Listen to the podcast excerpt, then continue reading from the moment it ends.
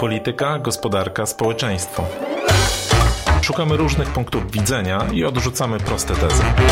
Rozmawiamy z ciekawymi gośćmi. Analizujemy sprawę z jednej, ale też z, z drugiej strony.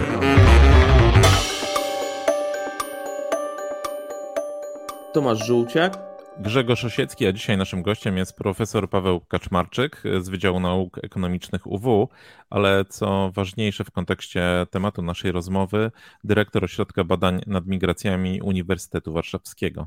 Dzień dobry panie profesorze. Dzień dobry panom, dzień dobry państwu. Na początek y, pytanie mm, krótkie i konkretne. Wybiera się pan profesor na planowane przez władze referendum w sprawie tego paktu migracyjnego, nad którym trwają prace w Unii Europejskiej? Wydaje mi się, że będę musiał się wybrać, jeśli dojdzie do referendum, w okolice tego referendum, bo jak rozumiem, plan jest taki, żeby ono było połączone z wyborami, więc na wybory się wypiera, wybieram. E, co do referendum, mam bardzo duże wątpliwości i chyba po tej dyskusji, którą mam za sobą już w ciągu ostatnich dni, wydaje mi się, że wizja tego referendum się oddaliła albo oddala.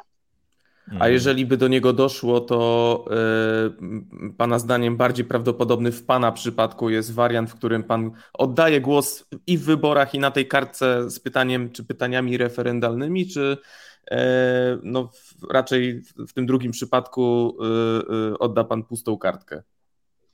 To jest pytanie czysto hipotetyczne, ponieważ e, szczerze mówiąc nie znamy, nie znamy pytań, nie wiemy jak one będą sformułowane, więc to jest w tym momencie tylko i wyłącznie gdybanie. Więc z jednej strony e, poczucie obywatelskiego obowiązku nakazywałoby wziąć udział w tym referendum, natomiast obawiam się, a te obawy zostały potwierdzone w tych ostatnich dniach, kiedy pojawiały się jakieś pierwsze propozycje pytań, że te pytania będą sformułowane po prostu w taki sposób, że nie da się na nie odpowiedzieć w sposób e, zgodny e, ze, z rozsądkiem, a tym bardziej zgodny z wiedzą na temat procesów migracyjnych.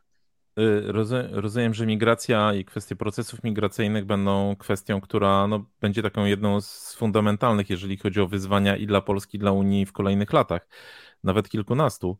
No i pewnie jakby no, my albo przez wybory, albo przez referenda jakoś tam będziemy musieli sobie odpowiadać e, na to, co z tym wyzwaniem zrobić. I gdyby pan miał e, możliwość jakby e, zastanowienia się, jaki dylemat tak naprawdę jest zasadniczy w tej kwestii, co przed nami stoi, znaczy o co pytać ludzi?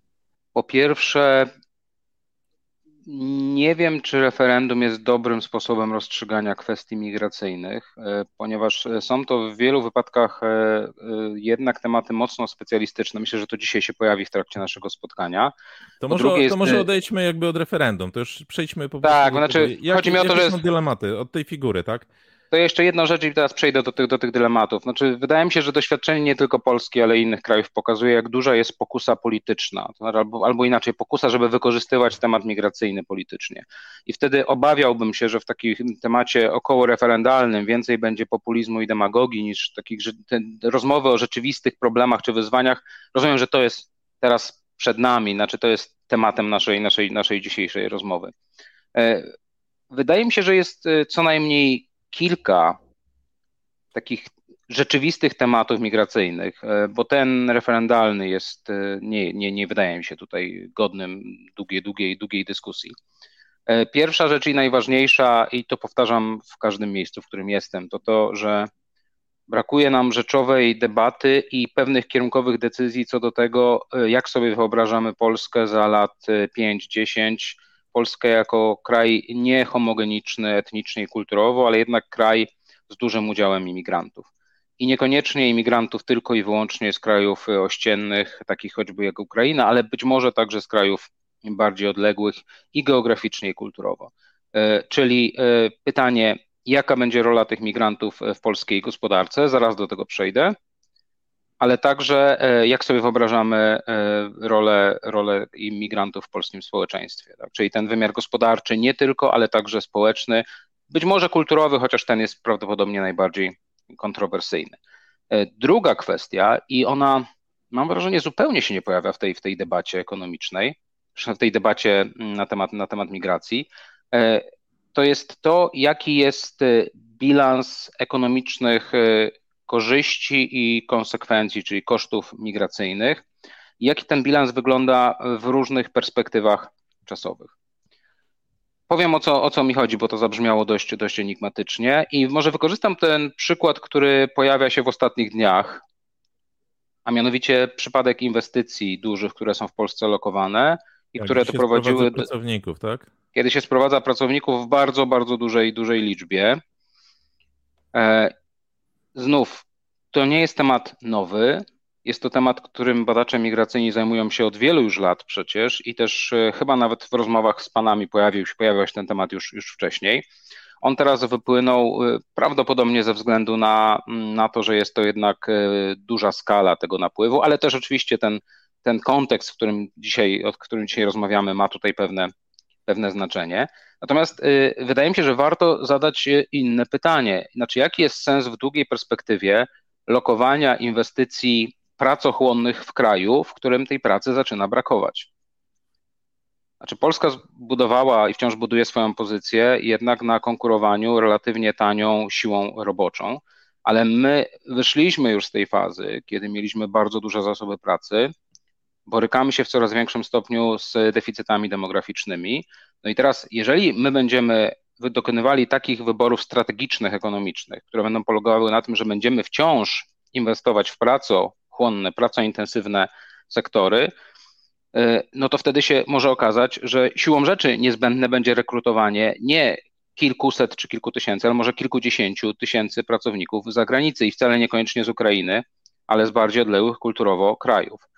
To wreszcie prowadzi mnie do, do trzeciej kwestii związanej z, tym, z tą poprzednią, a mianowicie to, na ile polityka państwa może wpływać na wybory przedsiębiorców i pracodawców, a w szczególności na to, jak oni substytuują pracę kapitałem, to znaczy jak dokonują, jakich dokonują wyborów ekonomicznych, y, myśląc o swoim rozwoju w przyszłości. No i znowu, tutaj wiele przedsiębiorstw zbudowało swoją pozycję wykorzystując y, tanią siłę roboczą z Ukrainy. W momencie wybuchu wojny i w sytuacji, kiedy okazało się, że duża część tych zasobów pracy to są mężczyźni, a ci mężczyźni mają obecnie problem y, z napływem do Polski, to postawiło przed bardzo trudną sytuacją wiele przedsiębiorstw w Polsce. I znowu, to nie jest nic nowego. Chyba najbardziej oczywistym przykładem, który mi przychodzi do głowy, to jest sytuacja sektora budowlanego w Hiszpanii, który został zbudowany w dużej mierze na bazie imigranckiej siły roboczej, ale potem w sytuacji do koniunktury okazało się to być niezwykle problematyczne, co istotne nie tylko dla gospodarki, ale także w tym wymiarze społecznym, ponieważ ci imigranci już w kraju byli i nagle okazało się, że nie bardzo wiadomo, co możemy z nim zrobić.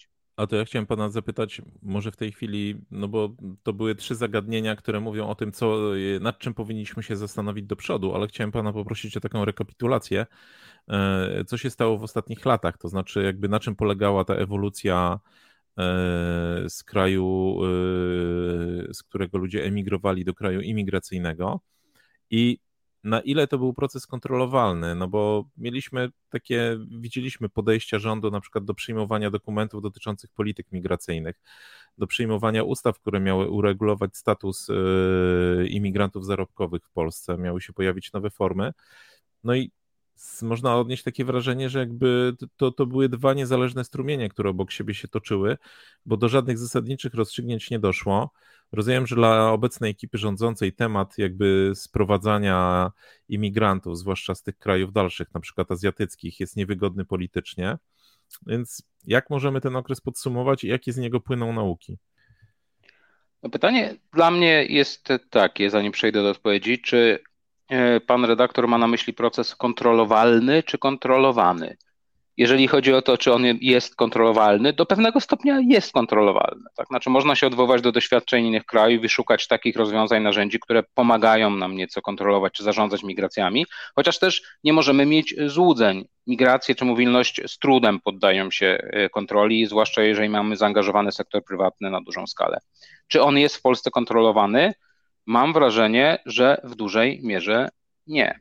Tak naprawdę to, co się wydarzyło w Polsce, w pewnym sensie wydarzyło się mimochodem, a najlepiej o tym świadczy to, że główną rolę w, tej procesie, w tym procesie transformacji Polski z kraju emigracji w kraj imigracji netto odegrała procedura uproszczona, która była procedurą ad hoc wprowadzoną, jak się wydawało, tylko i wyłącznie na jakiś przejściowy czas, dodatkowo na potrzeby kilku sektorów, a po kilku zaledwie latach okazało się, że ta procedura była odpowiedzialna za napływ do Polski do półtora miliona pracowników e, w skali roku i to ta procedura de facto sprawiła, że że Polska w pewnym momencie stała się najważniejszym krajem importującym siłę roboczą z zagranicy. I ta, być może właśnie... ta procedura, czyli oświadczenia, po prostu praca. Tak, tak, tak, tak. Znaczy, mówiąc procedurą uproszczoną, mam na myśli tych kilka instrumentów, które są używane. Teraz to są także zezwolenia na pracę sezonową, ale przede wszystkim mówimy o tych narzędziach, które pozwalają zatrudniać pracowników z zagranicy bez zezwolenia na pracę. E, oczywiście z zastrzeżeniem, że dotyczy to wybranych krajów, e, krajów byłego ZSRR, w szczególności Ukrainy, no bo Ukraina to jest powyżej 90% osób, które w ramach tej procedury do Polski e, docierały. I, i, oka- i okazało się, że w pewnym momencie, a ten moment możemy nawet dość jasno zdefiniować, bo to jest połowa minionej dekady, mamy współzaistnienie czynników po stronie popytowej i podażowej. Po stronie podażowej mamy wybuch I wojny w Ukrainie, który generuje bardzo silne bodźce promigracyjne z tego kraju. Z drugiej strony mamy niezwykle korzystne warunki regular, e, e, legalne w Polsce w postaci tej właśnie procedury uproszczonej, czyli pracę można w Polsce podjąć e, szybko, tanio i bez zbędnych długich procedur, a jednocześnie mamy bardzo dobrą koniunkturę na polskim rynku pracy, która oczywiście skutkuje popytem na siłę roboczą. I okazuje się, że z tego, z pozycji kraju, który jeszcze niedawno wysyłał setki tysięcy ludzi za granicę, stajemy się, tak jak powiedziałem, liderem. I to liderem w skali globalnej, jeśli chodzi na przykład o sezonową siłę roboczą, a jeśli chodzi o pierwsze zezwolenia pobytowe, najważniejszym krajem imigracji w Unii Europejskiej, wyprzedzając takie kraje jak choćby Niemcy czy Wielka Brytania, kiedy jeszcze była w strukturach Unii Europejskiej, czyli kraje o bardzo długich tradycjach migracyjnych. I teraz to jest oczywiście jakoś tam poznawczo interesujące, ponieważ mamy do czynienia z radykalną zmianą, a dodatkowo zmianą, która się wydarzyła w bardzo krótkim czasie. Ale to jest potężne wyzwanie. To wyzwanie wynika przede wszystkim z tego, że w Polsce brak było narzędzi, mechanizmów, instytucji, które zajmowałyby się obsługą całego tego procesu migracyjnego. E, to jest rzecz zupełnie fascynująca i myślę, że panowie też się z tym spotykali w, w, w różnych rozmowach i w różnych kontekstach. Mamy przejście z sytuacji takiej oto, że mamy bardzo nikłą skalę wydawanych zezwoleń na pracę, a potem mamy kilkaset tysięcy, czy nawet prawie dwa miliony tam tych oświadczeń, a zajmują się tym te same instytucje, te same instytucje y, wsparcia rynku pracy i w wielu przypadkach to się wydarzyło bez zwiększenia stanu osobowego. Tak, więc jakby y, to jest, to jest w ogóle fascynujące na poziomie takim czysto organizacyjnym, jak to się w ogóle mogło wydarzyć, e, że taki, że taki, proces, że taki proces zaistniał. Ale to jest tylko jeden niewielki wycinek, bo przecież mamy kolejną kwestię, do której pewnie za chwilę jeszcze e, przejdziemy, a przynajmniej ja bym chciał, żebyśmy przeszli, a mianowicie to jest kwestia e, kontroli warunków pracy i praw pracowniczych, czyli inspekcja pracy i jej funkcjonowanie. No i wreszcie to, z czym się boleśnie zmierzyliśmy po wybuchu wojny w Ukrainie rok temu, a mianowicie kwestia przyjęcia imigrantów na poziomie społecznym, tak, znaczy kwestia integracji, której e, przypomnę tylko, e, wciąż e, w Polsce oficjalnie nie mamy żadnego strategicznego dokumentu, który mówiłby o integracji cudzoziemców. Ta integracja ogranicza się tylko i wyłącznie do uznanych uchodźców, a to jest, jak wiemy, w Polsce bardzo niewielka grupa. Panie profesorze, bo bardzo często w tym temacie rozmawiamy o o liczbach, o ilościach, no czasami takie trochę dehumanizujące określenia jak fale y, y, migrantów.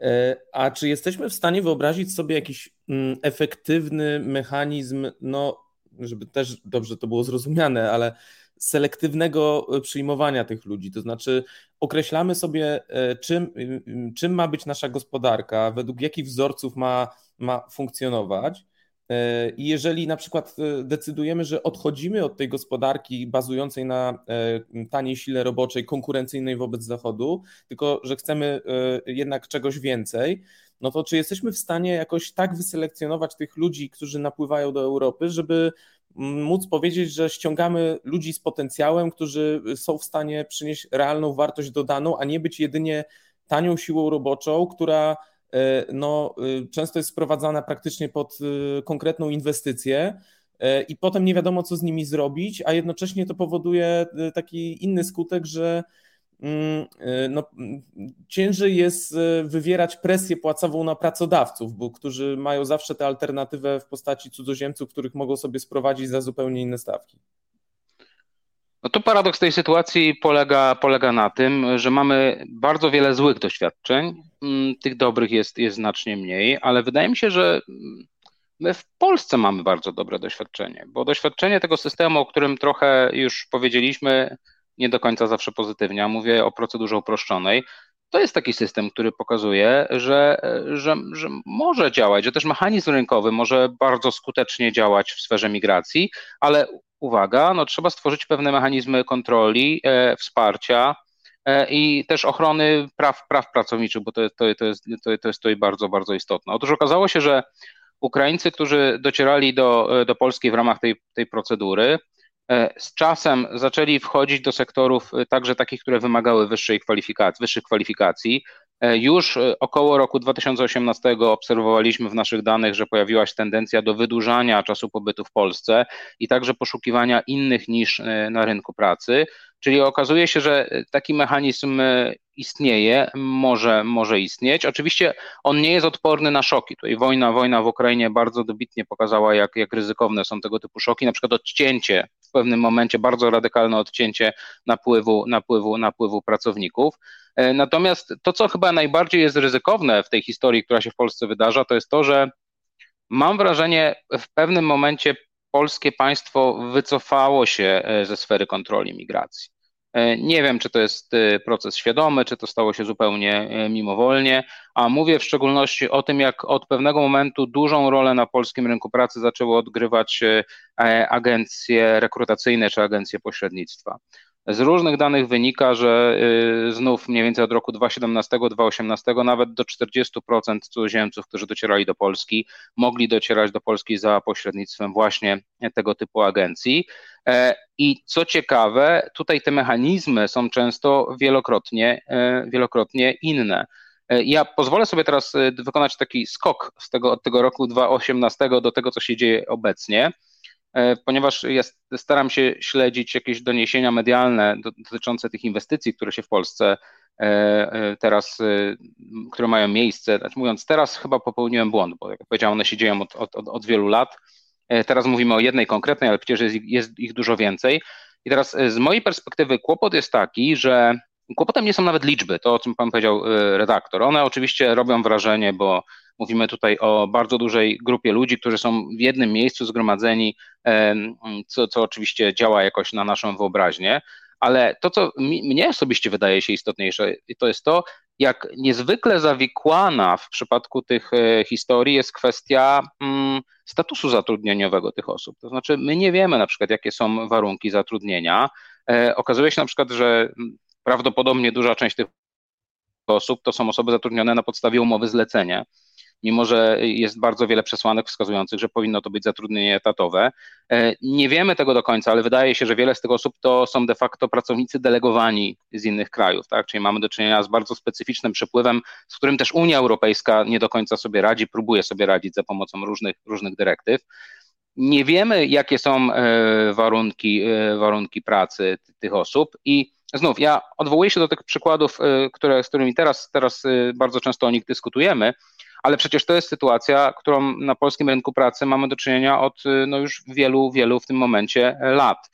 Czyli y, to, to wycofanie się państwa, y, zgoda na to, że to pracodawcy albo często agencje rekrutacyjne decydują, kto do Polski przyjeżdża, w jakiej liczbie i jak są regulowane relacje między pracownikiem a pracodawcą, wydaje mi się w tej całej historii najbardziej niebezpieczne. Czyli z jednej strony, wracając do, do, do pytania pana, pana redaktora, wiele wskazuje na to, że stworzenie mechanizmu względnie liberalnego, który y, zapewnia y, możliwość wjazdu do kraju i podejmowania pracy, to jest coś, co się, co, się, co się w warunkach polskich sprawdza. Natomiast trochę zabrakło tych kolejnych elementów, to znaczy większej kontroli, e, ale także stworzenia kanałów, czy też tak by mm, możliwości awansu zawodowego i uzyskiwania wyższych pozycji zawodowych. I teraz e, od, odniosę się do drugiej części pytania pana redaktora, kiedy pan powiedział, że może warto byłoby się zastanowić na, nad tym, jak e, poprawić selektywność imigracji do Polski, znaczy skupić się bardziej na pracownikach wysoko wykwalifikowanych.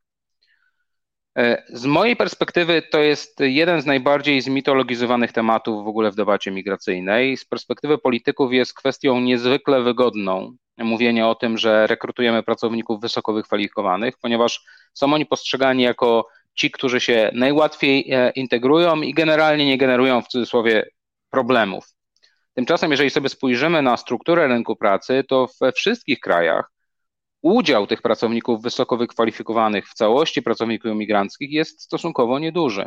Jeżeli patrzymy na strukturę popytu na, na pracę, to mówimy wciąż przede wszystkim o pracownikach wykonujących takie prace, gdzie te kwalifikacje nie są, nie są, nie są specjalistyczne. Jeśli czasami są eksperckie, to być może to, to na pewno nie wymagają wyższego wykształcenia. No i teraz e, Polska znalazła się w sytuacji, e, w której jest wiele krajów zachodnioeuropejskich, kiedy z jednej strony staramy się rekrutować wysoko wykwalifikowanych pracowników z zagranicy, ale zupełnie pomijamy, e, i tu się powstrzymałem, e, bo mam w pamięci to, o czym mówi pan redaktor, już chciałem powiedzieć zasób, ale powstrzymam się. Zapominamy o, ty, o, tych, o, tych, o tych ludziach, którzy już w kraju są.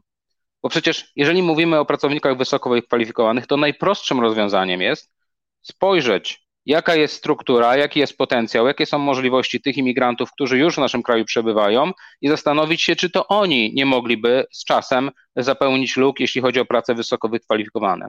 Znowu, imigranci z Ukrainy są tutaj doskonałym przykładem, ponieważ to są generalnie bardzo dobrze wykształcone e, osoby, na pewno mamy do czynienia z pewną luką kompetencyjną, na pewno trzeba by zainwestować sporo, żeby te osoby mogły zajmować pozycje wymagające wysokich kwalifikacji, ale z mojej perspektywy to jest o wiele prostsze niż poszukiwanie tych pracowników za granicy i zupełnie włączanie ich e, na nowo, na nowo do, tego, do tego systemu. I znowu, My bardzo dużo mówimy o tym niedopasowaniu kompetencyjnym e, po wybuchu wojny w Ukrainie, ponieważ e, mamy do czynienia z napływem przede wszystkim kobiet. 60 do 70% z nich to są kobiety z wyższym wykształceniem, które siłą rzeczy nie były w stanie w tej pierwszej fazie znaleźć pracy, która odpowiada ich kwalifikacjom w dużej, w dużej mierze.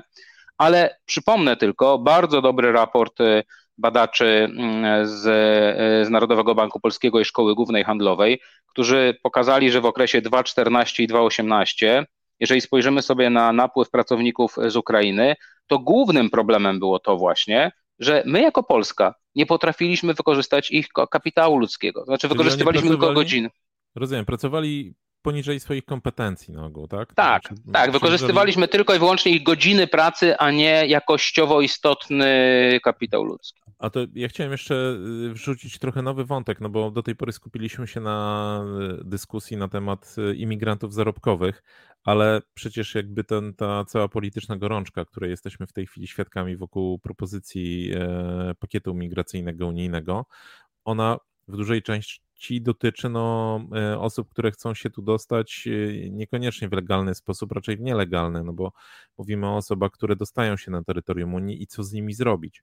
I pytanie jakby o te ten drugi strumień, znaczy z jednej strony widzimy go na Białorusi, ale z drugiej strony, no teoretycznie, jeżeli tego typu rozwiązania wejdą w życie, no to e, możemy, możemy być zasilani także w ramach mechanizmu relokacji unijnego.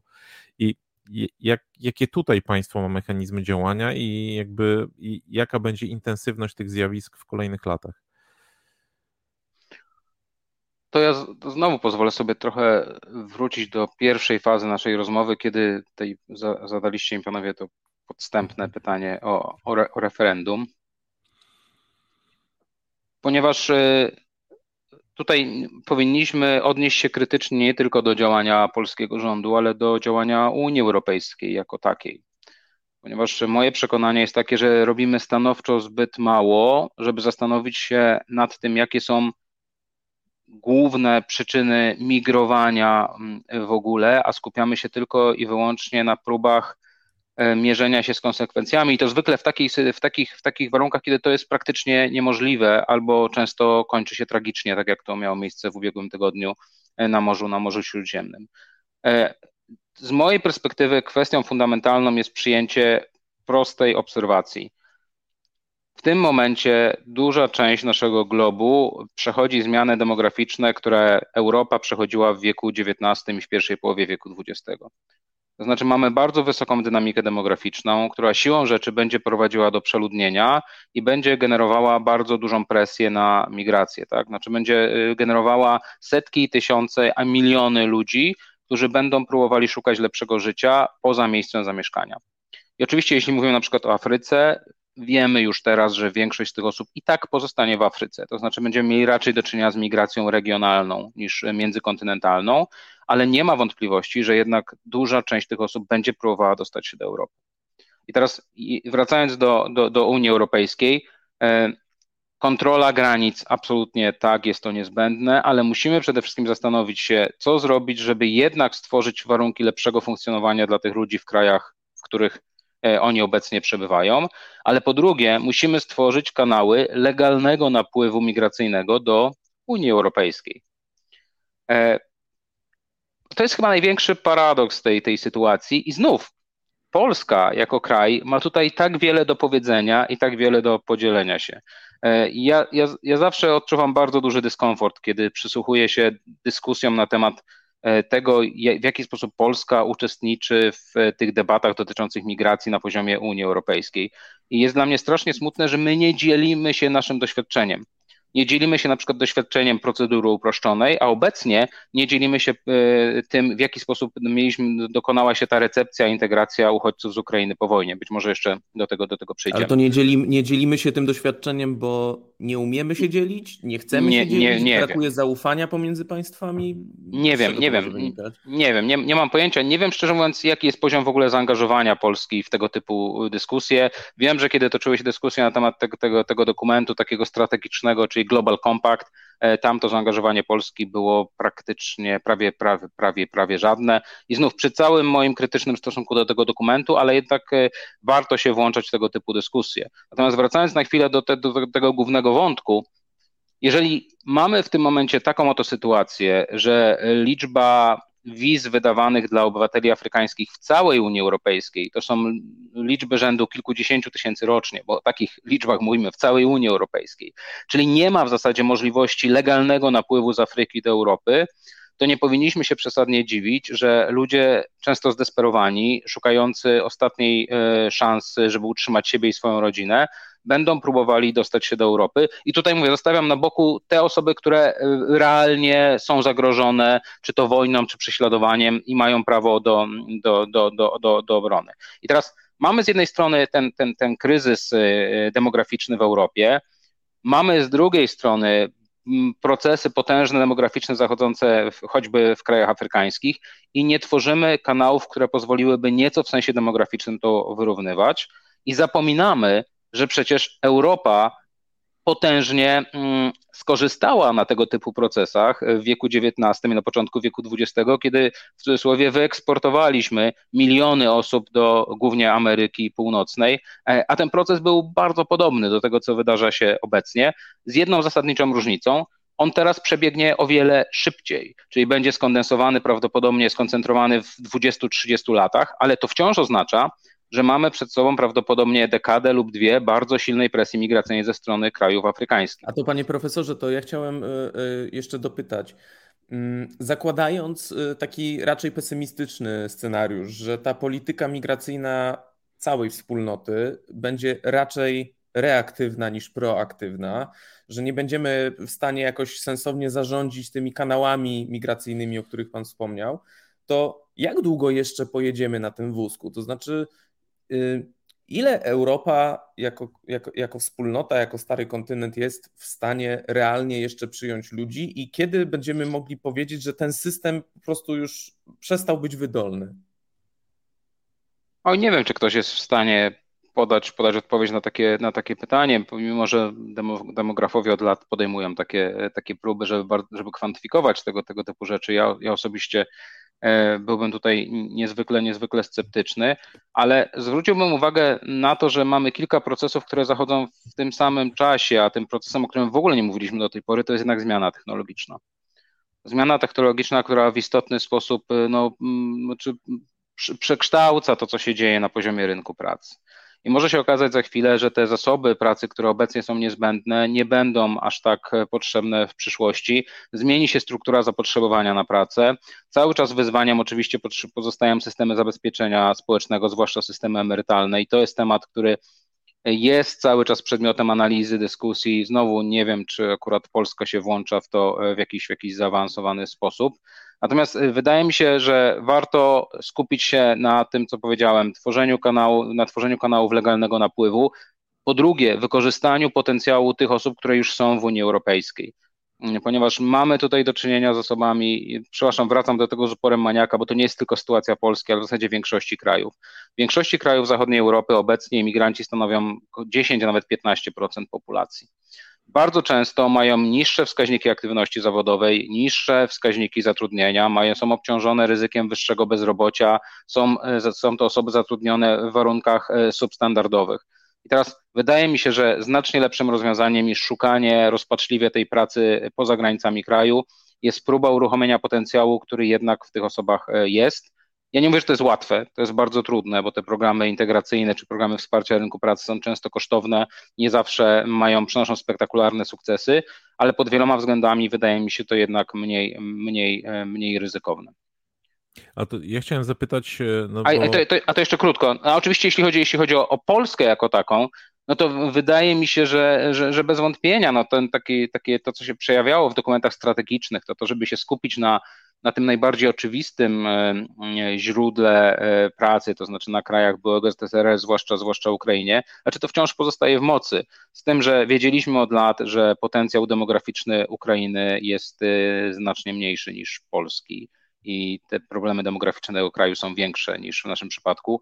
No a do tego doszła jeszcze w ostatnim czasie e, wojna, która no, zupełnie zmienia tą sytuację i zwiększyła no, radykalnie poziom, poziom ryzyka. No to jeszcze chciałem wrócić do tego, pan sam o tym wspomniał, że jakby takim z jednej strony, jeżeli chodzi o politykę migracyjną, to byłaby to kwestia uregulowania legalnego napływu, no ale z drugiej strony to jest to, co gdzieś tam w, roku 2015 się przejawiało, tak? Pomagania na miejscu. Pomaganie to może jest złe słowo, ale rozumiem, że chodzi o wspieranie wzrostu gospodarczego, na co nakłada się ta zmiana technologiczna, o której Pan mówił, bo ona też zwiększa wydajność pracy i ona może działać jakby w drugą stronę. Ostatnio były takie przypadki bodajże w Kenii, gdzie E, ludzie, którzy żyją, żyli do tej pory z, ze zbierania liści herbaty są zwalniani, bo tam wchodzą maszyny, które zastępują kilkudziesięciu pracowników. E, jedna maszyna zastępuje i tam dochodzi do, do takich no, buntów i zaburzeń na tym tle co może potencjalnie jeszcze jakby tą presję migracyjną zwiększyć. Więc jakby jakie Europa ma skuteczne instrumenty działania, żeby faktycznie no, próbować zwiększyć e, czy, czy polepszyć poziom życia w tamtych krajach, by w ten sposób osłabiać presję? Wspierać, powiedziałbym, prosto i teraz od razu zastrzegam, ja nie roszczę sobie tutaj jakby pretensji do tego, żeby mieć odpowiedź na te, na te pytania, bo to są naprawdę fundamentalne kwestie, o których znów wracam do początku, za mało według mnie rozmawiamy. Natomiast wydaje mi się, że dość e, prostym pomysłem jest to, żeby wspierać e, lokalne i regionalne ośrodki wzrostu. I, i podam taki prosty przykład, który się pojawia w, w debatach około migracyjnych. Otóż już dzisiaj wiemy, że ten napływ z Afryki, czy też presja migracyjna z tego, z tego kontynentu jest o wiele mniejsza niż się spodziewaliśmy jeszcze kilka czy kilkanaście lat temu. A dzieje się tak dlatego, że mm, Chiny w potężny sposób zainwestowały na kontynencie i to Chiny stworzyły właśnie takie regionalne ośrodki wzrostu. I okazało się, e, że mamy do czynienia oczywiście z masową migracją e, ludzi z Afryki, ale wewnątrz Afryki. I to jest także doświadczenie Europy przecież w wieku XIX i XX, bo to nie był tylko odpływ y, za, za ocean, ale bardzo dużo tych przepływów migracyjnych pomieściło się w ramach kontynentu. Jeżeli spojrzymy sobie na takie globalne mapy migracji, to okaże się, że na przykład te osoby, które dopływają z, z Azji do Europy, czy z Afryki do Europy, to jest jakiś niewielki odsetek tych wszystkich ludzi, którzy są mobilni, ale jednak ludzie preferują przemieszczanie się do miejsc, które są stosunkowo nieodległe, stosunkowo bliskie kulturowe i po prostu proste do, do osiągnięcia. Więc w tym sensie takich działań hmm, chyba bym sobie życzył więcej, ale zwróciłbym też uwagę na inną rzecz, e, bo my tutaj mówimy trochę życzeniowo o tym, co, mm, o czym warto by rozmawiać, czy co być może warto by wdrażać ale my przecież w tym samym czasie mamy dokładnie y, takie działania, które mają odwrotny charakter. na przykład jeżeli wprowadzamy bariery, na przykład jeżeli mamy działania w postaci wspólnej polityki rolnej w Unii Europejskiej, przecież to jest idealne narzędzie, które z jednej strony zwiększa popyt na pracę cudzoziemskich pracowników w sektorze rolnym w Europie, a z drugiej strony generuje masowy odpływ z krajów, które mogłyby być eksporterami żywności. Nie, nie wiem, czy to, co powiedziałem, jest, jest jasne, więc mogę spróbować wyjaśnić. Z jednej strony pan redaktor o tym powiedział, tak? Mamy pewną zmianę technologiczną, choćby w krajach afrykańskich, e, która sprawia, że na przykład produktywność w sektorze rolnym e, rośnie, czyli te kraje mogłyby być eksporterami żywności na wysoką skalę. Bardzo często jest to niemożliwe, bo no właśnie, mamy bariery importowe e, w, w Unii Europejskiej. Z drugiej strony chronimy rolnictwo europejskie, ale przecież nikt już nie ma dzisiaj złudzeń, że w takich krajach jak Hiszpania, Włochy, a nawet Polska będziemy w stanie znaleźć pracowników rodzimych, którzy będą pracować w rolnictwie. Czyli mamy zupełnie absurdalny w zasadzie przykład z perspektywy migracyjnej w tym momencie mówię, kiedy mamy narzędzie, które generuje tę migrację, tak? Znaczy nie, nie powstrzymuje, nie sprawia, że ci ludzie będą woleli zostać w miejscu, gdzie, gdzie się urodzili, tylko raczej będą chcieli do Europy się dostawać. Co więcej, sami będziemy ich rekrutować, sami będziemy ich do Europy ściągać. Tylko właśnie przed chwilą przerabialiśmy ten przykład rolny, tak? Na, na przykładzie Ukrainy akurat mówię o, no, doszło do pewnego otwarcia rynku i liberalizacji i się okazało, że to jest potężny kłopot polityczny i zaburzenia rynkowe, więc pytanie, na ile Europa będzie w stanie tego typu procesem zarządzić? Znaczy myślę, że jeżeli będziemy działać tylko i wyłącznie reaktywnie, jak to było w przypadku Ukrainy, e, to, to na pewno nim nie zarządzimy. Znaczy, to nie jest dla mnie proces zarządzania. Wydaje mi się, że różne narzędzia, a wspólna polityka rolna jest jednym z nich, wymagają gruntowego przemyślenia i być może przedefiniowania. Przy czym to, o czym ja tutaj mówię, to jest to, że warto w, tych, w tym myśleniu e, także odnosić się do efektów zewnętrznych. Znaczy ta migracja to jest tutaj takim typowym efektem zewnętrznym, bo przecież nie jest głównym celem wspólnej polityki rolnej zastanawianie się, czy to wygeneruje jakieś ruchy migracyjne, czy też, e, czy też nie. Panie profesorze, to na koniec naszej rozmowy chciałbym wrócić do tego, od czego de facto zaczęliśmy, czyli ten mechanizm relokacji, o którym e, rozdyskutowała się Unia Europejska ponownie. E, no, dla, zastanawiam się, tak patrząc na to z boku, nie jako ekspert oczywiście, ale jako obywatel, e, dlaczego Bruksela, no, mówiąc wprost, tak się uparła na ten mechanizm, który jest krytykowany. No, w, w polskich warunkach wiemy, co sądzi o tym mechanizmie, mechanizmie PiS ale opozycja, w tym Donald Tusk, też niespecjalnie chcą tego mechanizmu bronić. I e, no w jaki sposób miałoby to zadziałać, że na przykład trafia do nas tych dwóch tysięcy e, potencjalnych migrantów w ramach mechanizmu relokacji, e, którzy wcześniej planowali po prostu swoje życie, pracę w Niemczech, czy we Francji, czy, czy może jeszcze gdzie indziej, no przecież na siłę ich tutaj nie zatrzymamy. To znaczy, czy to nie będzie działało w ten sposób, że dojdzie do tej relokacji, a potem migranci relokują się sami ponownie i ten mechanizm będzie fikcją? No, pan redaktor teraz e, streścił doskonale pozycję e, co bardziej cynicznych obserwatorów sytuacji w roku 2015, kiedy ci obserwatorzy mówili wprost, e, cóż nas powstrzymywało przed tym, żeby, żeby przyjąć te osoby, które miały być do Polski relokowane, skoro było w miarę oczywiste, że większość z nich z Polski w bardzo krótkim czasie wyjedzie.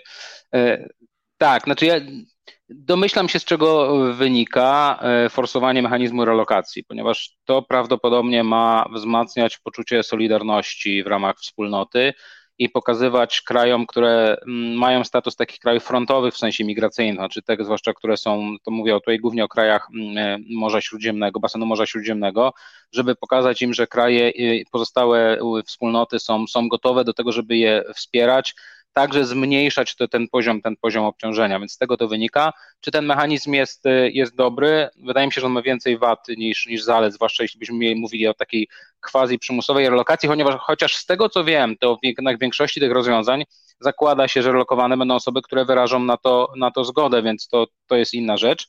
Ale dla mnie znowu ta, ta dyskusja trochę idzie, idzie, idzie, idzie w bok tego, co, co jest istotne. Mogę tutaj e, odwołać się do, do kilku badań, które były realizowane także w Polsce, także przez polskich badaczy, które pokazywały, co tak naprawdę jest ważne dla Europejczyków, jeżeli chodzi o politykę azylową czy politykę uchodźczą. I okazuje się, że mechanizm relokacyjny jest gdzieś tam dość daleko, jeśli chodzi o te priorytety. Tak naprawdę to, co jest istotne, to jest to, żeby ludzie wiedzieli, że nie muszą ponosić e, obciążeń fiskalnych związanych z, z obecnością cudzoziemców, ale przede wszystkim, żeby imigranci mieli dostęp do pracy. To jest powiązane z tym, z tym, z tym, z tym pierwszym punktem. Tak? Znaczy, ponieważ jest takie przekonanie, że jeśli uchodźcy będą mieli dostęp do rynku pracy, będą z czasem się integrować i te obciążenia dla kraju, w którym oni przebywają, będą mniejsze, a być może nawet z czasem będą to, będą to korzyści. I znów mamy doświadczenie napływu z Ukrainy. Mamy doświadczenie e, mechanizmu ochrony tymczasowej, który został wdrożony w Unii Europejskiej, ale, ale także w Polsce.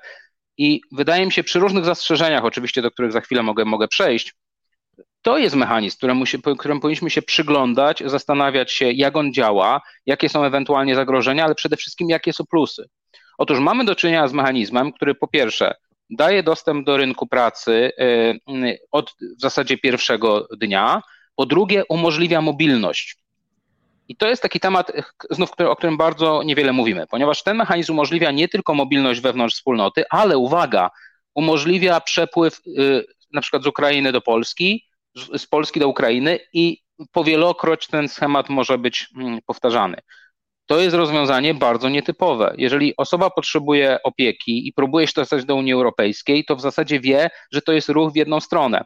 To znaczy wie, że jeżeli zostanie z tej Unii e, w jakiś sposób wydalona, to z dużym prawdopodobieństwem może już do Unii Europejskiej nie dotrzeć, czyli jest absolutnie zdesperowana.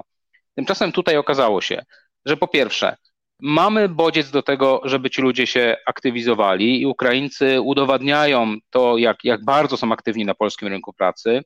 Ja tylko powiem, że z naszych badań wynika, że 60, a w ostatniej fali nawet 70% e, dorosłych osób, dorosłych uchodźców wojennych z Ukrainy w Polsce pracowało, co jest absolutnie niesamowitym wynikiem, jeżeli porównamy to do innych tego typu e, przepływów e, ludnościowych, ale też bardzo szybko uruchomił się mechanizm migracji cyrkulacyjnej.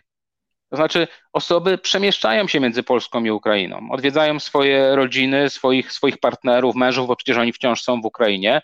E, I nie jest tak, że pozostali w Polsce na stałe. Co więcej, część z nich wyjechała do innych krajów, część z nich powraca do Polski. Czyli okazuje się, że jeżeli damy tym ludziom trochę przestrzeni, zdamy się na to, co socjologowie nazwaliby sprawstwem, tak? czyli tym, tym, tym agency, tak? oni, oni też mają prawo wziąć odpowiedzialność za swoje życie ale przede wszystkim damy im szansę dostępu do rynku pracy. W bardzo wielu krajów, oso krajach osoby, które wchodzą do procedury uchodźczej, nie mogą korzystać e, z rynku pracy do momentu, kiedy ta procedura się zakończy. Oznacza to, że przez wiele miesięcy, a czasami nawet lat, są absolutnie zdane na wsparcie ze strony państwa. Co więcej, w momencie, kiedy mogą już wejść na ten rynek pracy, e, w zasadzie wchodzą z zerowym kapitałem. Tak? Ten, ten czas, który został spędzony, bardzo często może być czasem straconym. E, I teraz znów spójrzmy krytycznie oczywiście na doświadczenie tego napływu z Ukrainy, ponieważ wiemy, jak wiele nie zadziałało albo jak wiele mogło zadziałać lepiej, ale spróbujmy na to spojrzeć krytycznie i dzielić się tym doświadczeniem. Ja nie mówię, że to jest uniwersalne doświadczenie, które możemy jeden do jednego przenieść na przykład i odnieść to do sytuacji w basenie Morza Śródziemnego, e, ale może, może, może warto próbować. Może się okazać, że te, ta relokacja wcale nie będzie, nie będzie niezbędna. Ja chciałem tylko delikatnie tutaj zauważyć, że w przypadku Polski my też mówiliśmy o relokacji przecież osób z Ukrainy, prawda? Bo ten temat się pojawiał. Tak, był, był temat wewnętrzny. E, tak, a tymczasem ta relokacja się, a tymczasem ta relokacja się przecież dokonała. Jeżeli sobie spojrzymy na mapy, które pokazują e, rozmieszczenie uchodźców z Ukrainy na początku wojny i obecnie, to się dzieje. Decyduje o tym przede wszystkim rynek pracy, rynek mieszkaniowy, kwestia dostępu do usług publicznych. To się dzieje. To dziękujemy bardzo za rozmowę. E, naszym gościem był pan profesor Paweł Kaczmarczyk, e, dyrektor e, Ośrodka Badań nad Migracjami Uniwersytetu Warszawskiego. I myślę, że jakby mm, tutaj płyną takie słodko-gorzkie wnioski, te, te słodkie na początku, czy optymistyczne, to to, że no mimo wszystko mamy takie doświadczenia, którymi na pewno możemy podzielić się z innym, jeżeli chodzi o szersze rozwiązywanie problemów migracyjnych, a czyli ten doświadczenie tych ostatnich 8-10 lat e, niezwykłego rozwoju imigracji do Polski daje nam podstawy do dyskusji i powinniśmy z tego skorzystać. A ten wniosek pesymistyczny jest niestety taki, e, to, od czego zaczęliśmy, czyli referendum, tak? Że jeżeli to referendum się odbędzie, to zdaje się pytania będą szły w ogóle obok podstawowych dylematów, jakie w tej sprawie są.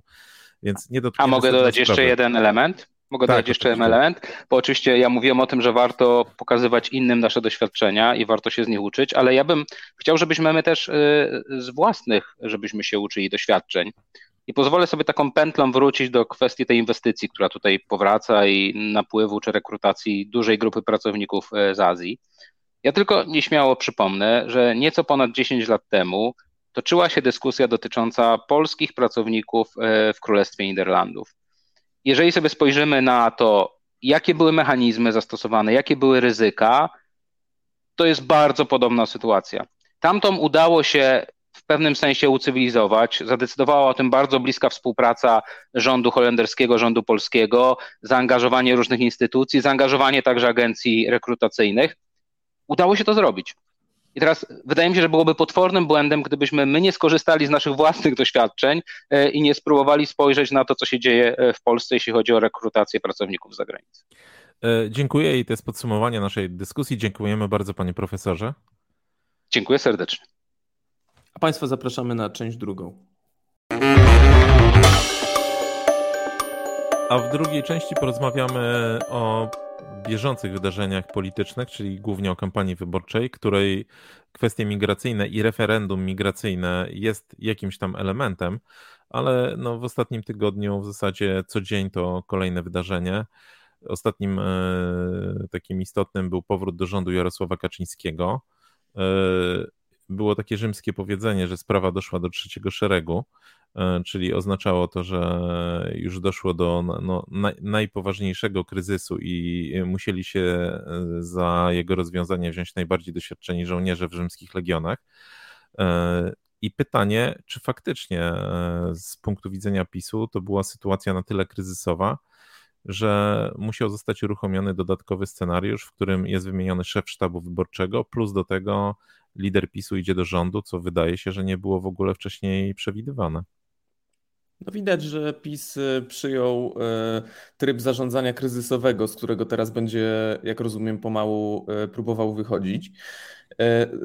Takim probierzem tego, czy udało się ten kryzys zażegnać, będzie konwencja, która już za chwilę, w momencie, kiedy rozmawiamy. Zresztą przed nami tak naprawdę super weekend konwencji, bo każde ugrupowanie będzie miało jakieś swoje wydarzenie.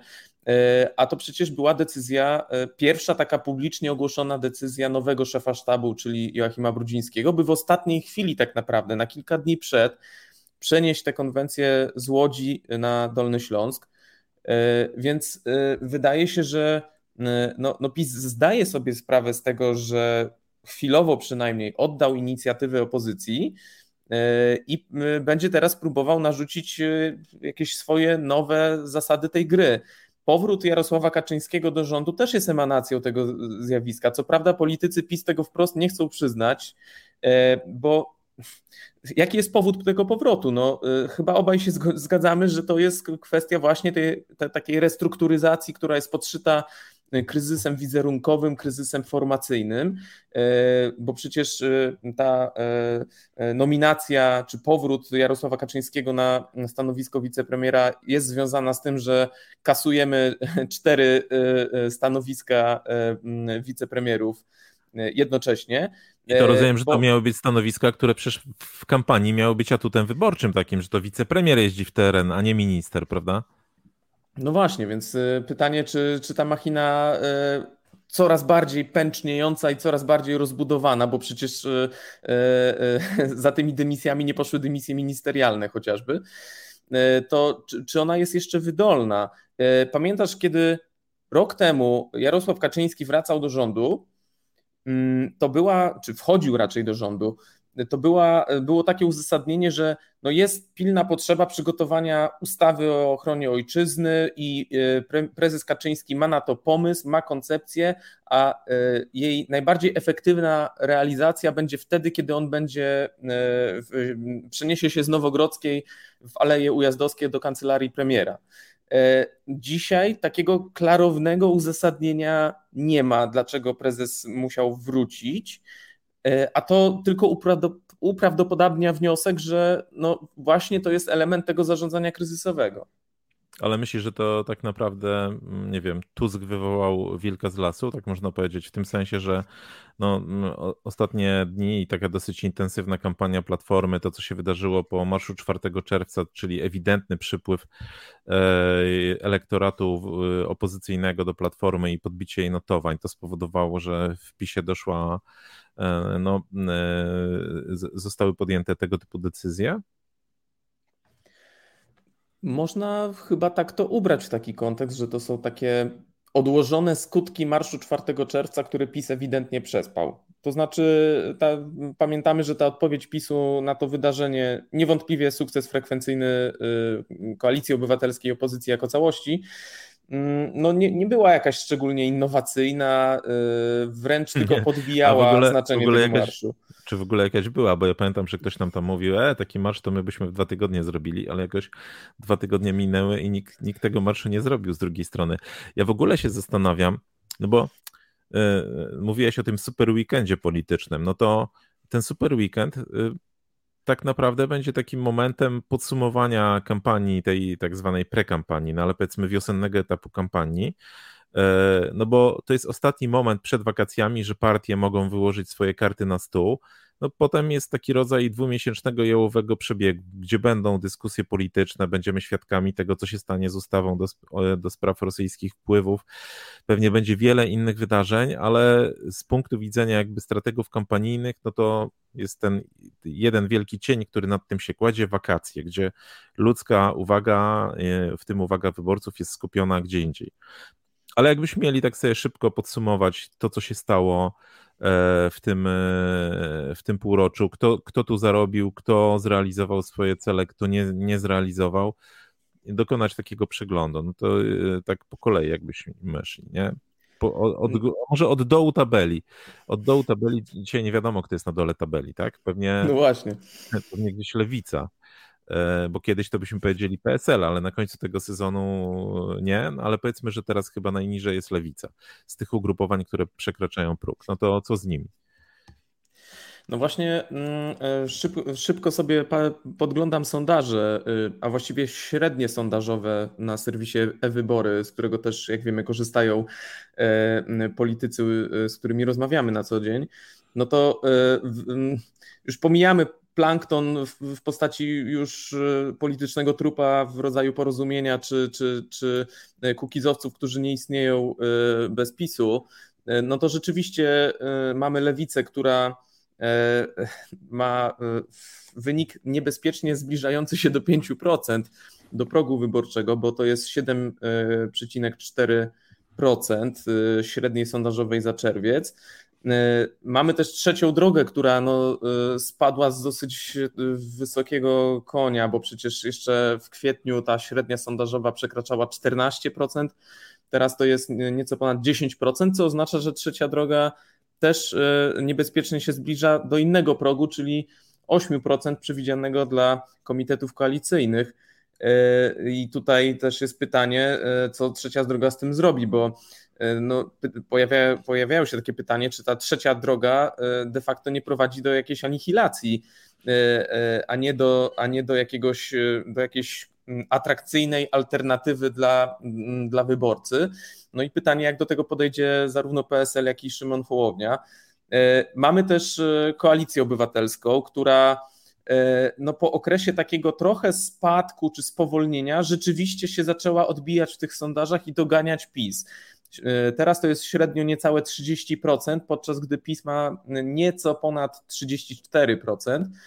No więc wydaje się, że pomimo tych wszystkich ruchów sondażowych, sytuacja tak amas e, jest konstans, to znaczy no, nie, nie ma cały czas tego przełamania, które pozwoliłoby nam postawić tezę, że to jest ten y, ewidentny lider, który będzie rozdawał karty no właściwie po obu stronach sceny politycznej. W marsz 4 czerwca rzeczywiście umocnił koalicję, ale no, jak wiemy osłabił trzecią drogę i lewicę, więc E, gdzieś tam te e, zyski i straty się równoważą i pytanie, czy taki punkt przełamania nastąpi na przykład skutek tego super weekendu konwen konwencji, ja szczerze mówiąc wątpię, czy dopiero y, zobaczymy to po, po wakacjach, kiedy no, w, znowu polityka wejdzie na takie intensywne y, rejestry. No i kiedy rzeczywiście to już będzie taka walka o wszystko i podbijanie stawki do niebotycznych rozmiarów, bo to już będzie taki finisz kampanii, gdzie rzeczywiście trzeba zrobić potężne wrażenie na wyborcach, bo jest szansa, że oni te propozycje y, w przeciwieństwie do tych składanych y, aktualnie zapamiętają po prostu. Mhm. No, ja się tak zastanawiam, że jakbym miał krótko scharakteryzować tak poszczególne ugrupowania, to e, w przypadku lewicy to jest w zasadzie taka nieco osłabiona, ale stabilna pozycja, no bo E, Lewica ma 5% próg, tak jak powiedziałeś, i ona liczy, że pewnie to co, co swoje zawsze ugra, trochę jak takie drużyny, które wychodzą na boisko i niekoniecznie liczą na jakieś niesamowite zwycięstwo, ale e, ważne jest to, żeby wyszły bez większych strat. E, trzecia droga to jest faktycznie znak zapytania, że to jest taka droga od optymizmu do, do w tej chwili dużego znaku zapytania, co dalej z tą formacją, ale to wiele zależy od platformy.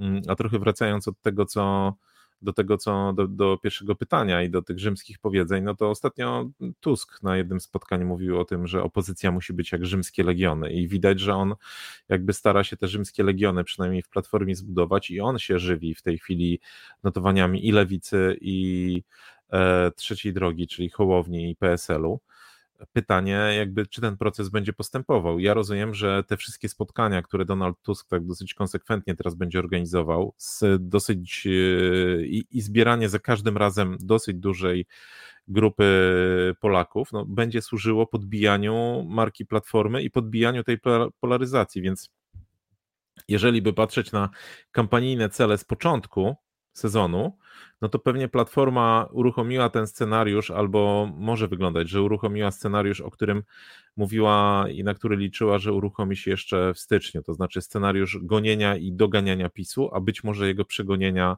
potem w dalszej części kampanii. Co do PiSu, to wydaje mi się, że strategzy tej partii mogą mieć takie uczucia mocno mieszane. No, z jednej strony mogą się pocieszać, że jest dużo lepiej niż myśleli jesienią, że będzie, no a z drugiej strony o czym świadczą ostatnie zmiany w, na górze PiSu, no nie jest tak dobrze, jakby chcieli, żeby było, bo cały czas te notowania partii rządzącej to są notowania, które w najlepszym wypadku dają im szansę na myślenie o jakichś rządach koalicyjnych, na pewno nie jakby o kontynuowaniu swoich własnych rządów, a z kolei szansa na to, że to opozycja przejmie władzę jesienią jest bardzo duża. Więc y, no, na pewno lekcje do odrobienia mają tutaj ludowcy i lewica ale myślę, że też Donald Tusk, bo no, opozycja, jeżeli myśli o wygraniu wyborów jesienią, to musi jednym z jej największych dylematów będzie to, jak nie zgubić jakichś głosów i nie sprowokować sytuacji, jaka była w roku 2015. Pewnie i osobą, która ma największy komfort w tej chwili, to jest Sławomir Mencen e, i Krzysztof Bosak, no bo Im e, oni wyszli ponad 10% i te ich notowania są w miarę stabilne, więc na pewno zwiększą swój stan posiadania i co więcej, jesienią będą mogli decydować pewnie, e, czy będą mieli szansę decydować o tym, jaki powstanie układ rządowy. No to, to dobrze, że wspomniałeś o Konfederacji, bo rzeczywiście ja się tak zastanawiam, czy ten scenariusz, który nam się uruchomił, który jest potencjalnie korzystny dla Donalda Tuska, tak, bo wzmacnia własną formację e, kosztem e, pozostałych formacji z tak zwanej opozycji demokratycznej, jak sami to siebie określają. No ale pamiętajmy, że to jest też scenariusz, którego na razie efektem jest e, no, bardzo takie wyraźne wzmacnianie Konfederacji. W zeszłym roku, jak patrzę na te średnie sondażowe o których rozmawialiśmy przed chwilą, no to rzeczywiście Konfederacja oscylowała wokół 5-6%, a dzisiaj to jest prawie 12%. Y, I zastanawiam się, z czego to y, wynika. Czy to po prostu działa taki y, może toporny, może banalny mechanizm, w którym im bardziej wracamy do tego polaryzacyjnego starcia na linii PiS-Platforma, tym bardziej wzmacnia się ten trzeci gracz, który mówi: i jedni i drudzy nie mają racji. Zlikwidujmy ZUS, PIT, CIT, czyli ja cały czas powtarzam, mi Sławomir Mencen pojawia się, kojarzy się z takimi bardzo prostymi receptami na bardzo skomplikowane zagadnienia. I dzisiaj, kiedy wyborcy są wystawieni na taki szum informacyjny, nie wiadomo za bardzo, kto mówi prawdę, czy można ufać mediom, to tutaj ujawnia się Sławomir Mencen, który wychodzi z bardzo prostymi rozwiązaniami i jednocześnie oferuje piwo. E, I pytanie, czy, pytanie, czy ta pytanie, czy ta strategia, ona na dłuższą metę jest w stanie się utrzymać, bo z drugiej strony mamy Sławomira Mencena, który moim zdaniem kiepsko wypada e, w takich starciach retorycznych czy starciach merytorycznych. Na przykład e, ostatnia debata z, z Ryszardem Petru to pokazała, że Sławomir Mencen ma bardzo poważne problemy z obronieniem e, swoich często kosztownych pomysłów. No ale z drugiej strony cały czas widać, że to się dobrze sprzedaje i on konsekwentnie w to brnie i nie zwraca uwagi na swoje ewentualne wpadki, gorszą formę, czy nawet e, jakieś wpadki generowane przez własnych działaczy pokroju Grzegorza Brauna?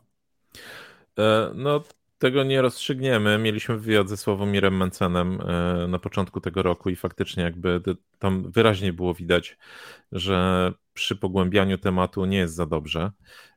W zasadzie każdego tematu, z, z, o którym rozmawialiśmy z nim.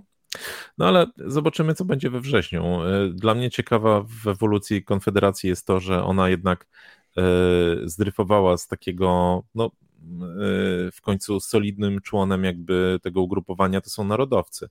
Z takiego ugrupowania jakby narodowego w formę takiej partii no ne, prawie że neoliberalnej i to, to jest jakaś zagadka ciekawe, czy to się utrzyma po wakacjach. Na dzisiaj dziękujemy bardzo. Grzegorz Osiecki i Tomasz Żółciak polityka, gospodarka, społeczeństwo. Szukamy różnych punktów widzenia i odrzucamy proste tezy. Rozmawiamy z ciekawymi gośćmi. Analizujemy sprawę z jednej, ale też z drugiej strony.